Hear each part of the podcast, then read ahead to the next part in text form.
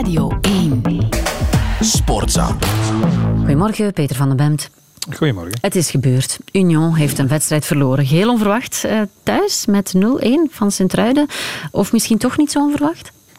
Ik zou zeggen toch wel. Hè. Als je kijkt wat ze hebben gepresteerd, al had de coach Mazou er wel voor gewaarschuwd. Hè. De decompressie tegen een kleine ploeg, met alle respect, na die geweldige 10 op 12 tegen vier topclubs. En zijn vrees is helemaal uitgekomen. Sint-Truiden deed wat het onder eh, coach Hollerbach wel vaker doet. En dat is massaal in blok verdedigen en er heel snel uitkomen. Dat deze overigens wat mij betreft wel een paar keer met eh, heel goed eh, voetbal. Want ze hebben best ook goede voetballers lopen. En Union ja, had er geen antwoord op. Hè. Ineens hadden ze daar 68% balbezit. Dat is niet wat ze zijn. Daar wisten ze zich eh, geen raad mee.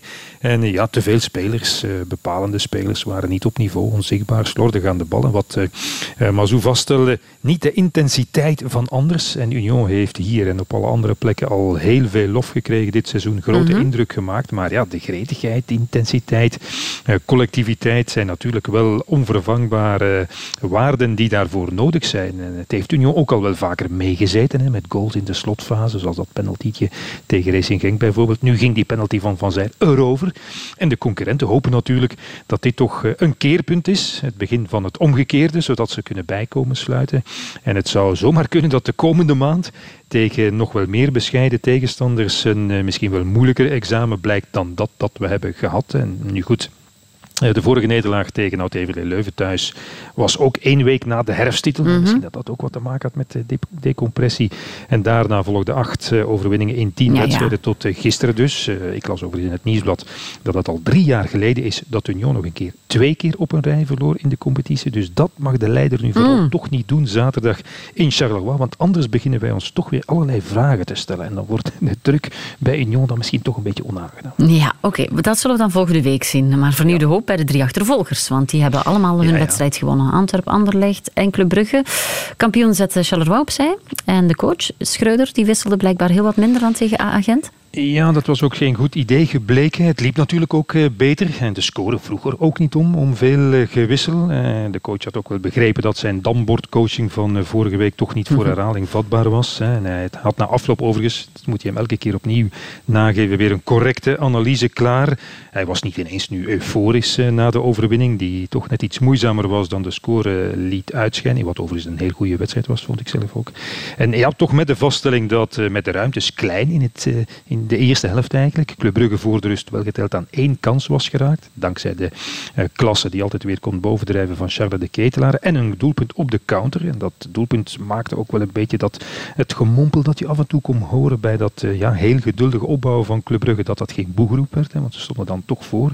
En de vaststelling ook, ook gemaakt dat Club Brugge bij 1-0, maar ook nog bij 2-0 toch nog te veel kansen heeft weggegeven. Simon Mignolet moest toch een paar keer uitblinken om de onrust weg te houden. Dus uh, wat de coach aangaf, uh, verre van volmaakt. Maar goed, uh, hij gaat toch kijken, denk ik, of dit elftal zo min of meer kan blijven staan de komende weken. Odoi, die echt goed was, vond ik, als verdedigende middenvelder. De ketelaren voorin, dicht bij de goal. Rits hoger in het veld, die daar weer de Rits kon zijn van vroeger, waar hij altijd heeft gevoetbald. En dus ja, ook, dat is de vaststelling, zonder Vormer en zonder Dost. Dost was nu wel geblesseerd maar dat had uh, Philippe Clement eerder ook al beslist. Die kreeg daartoe wel heel veel kritiek uh, voor. Er was heel wat uh, rond te doen. En daar is nu heel veel minder rond te doen, moet ik vaststellen.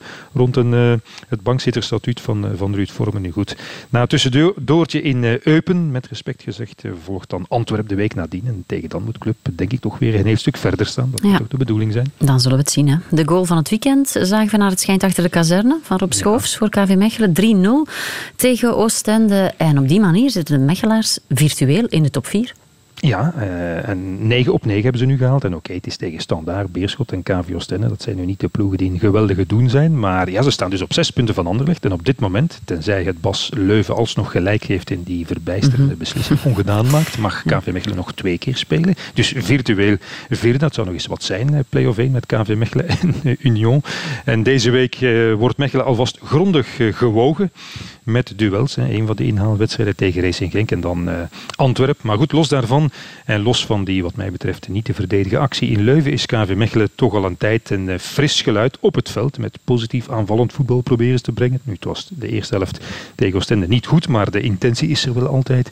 En ook ja, een Belgische inslag, bescheiden ook, onopvallende jongens die hard werken en uh, van weer een paar geweldig kunnen voetballen. En die Rob Schoops, Rob Schoops mm. excuus, is daar, ja, wat mij betreft, de exponent van. Het was blijkbaar zijn 150ste wedstrijd in het shirt van KV Mechelen.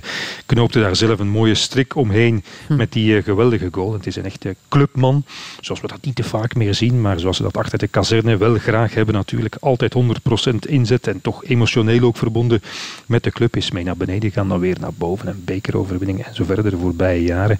En ik vind met uh, Kuipers voorin hebben ze nog wel zo iemand uh, lopen die alles heeft hm. om zo'n KV-clubman te worden. Dus chapeau voor Schoofs en gefeliciteerd met zijn jubileum. En we zijn benieuwd of KV Mechelen over een week nog altijd stiekem van achter de hoek staat te lonken naar play-off 1. Oké, dat wat Mechelen betreft, daar zat een nieuwe trainer op de bank bij Oostende. Ja.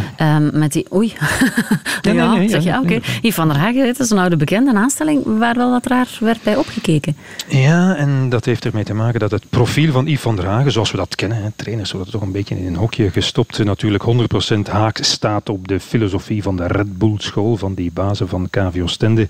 En het is wat mij betreft een aanstelling die toch uh, argwaan wekt bij mij en dan vooral de uitleg die de CEO Ganai uh, gaf. En die vertelde dat Yves van der Hagen, dat ze die van zeer nabij hadden gevolgd bij Cercle daar onder de indruk waren geweest van zijn werk en de pressing waarmee hij zijn elftal liet voetballen, wat toch de basis is bij Oostende ook. Eh, dan is het toch raar, zou ik zeggen, dat ze eerst nog een hele maand, een kleine maand, over gedaan hebben om die coach van hun dromen aan te stellen. Dat laat toch vermoeden, en dat uh, lees ik toch overal, dat ze eerst overal iets anders hebben gezocht. En ik vind het heel goed voor alle duidelijkheid, hè, dat KVO met Van der Hagen opnieuw een Belgische keuze heeft gemaakt en dat van der Hagen na wat mij betreft dan toch dat uh, oneerlijke ontslag bij Cercle Brugge weer aan de slag kan. Maar ik ben wel benieuwd of het een echte en eerlijke kans is voor mm Van der Hagen met het oog op volgend seizoen. En een kans ook voor hem, moet ik zeggen, om een beetje mee te evolueren ook als coach. Weer nieuwe wegen te bewandelen.